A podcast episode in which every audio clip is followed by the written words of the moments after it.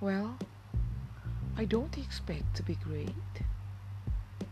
I just live with my intuition. Hi, welcome to my podcast. This is The Real Me.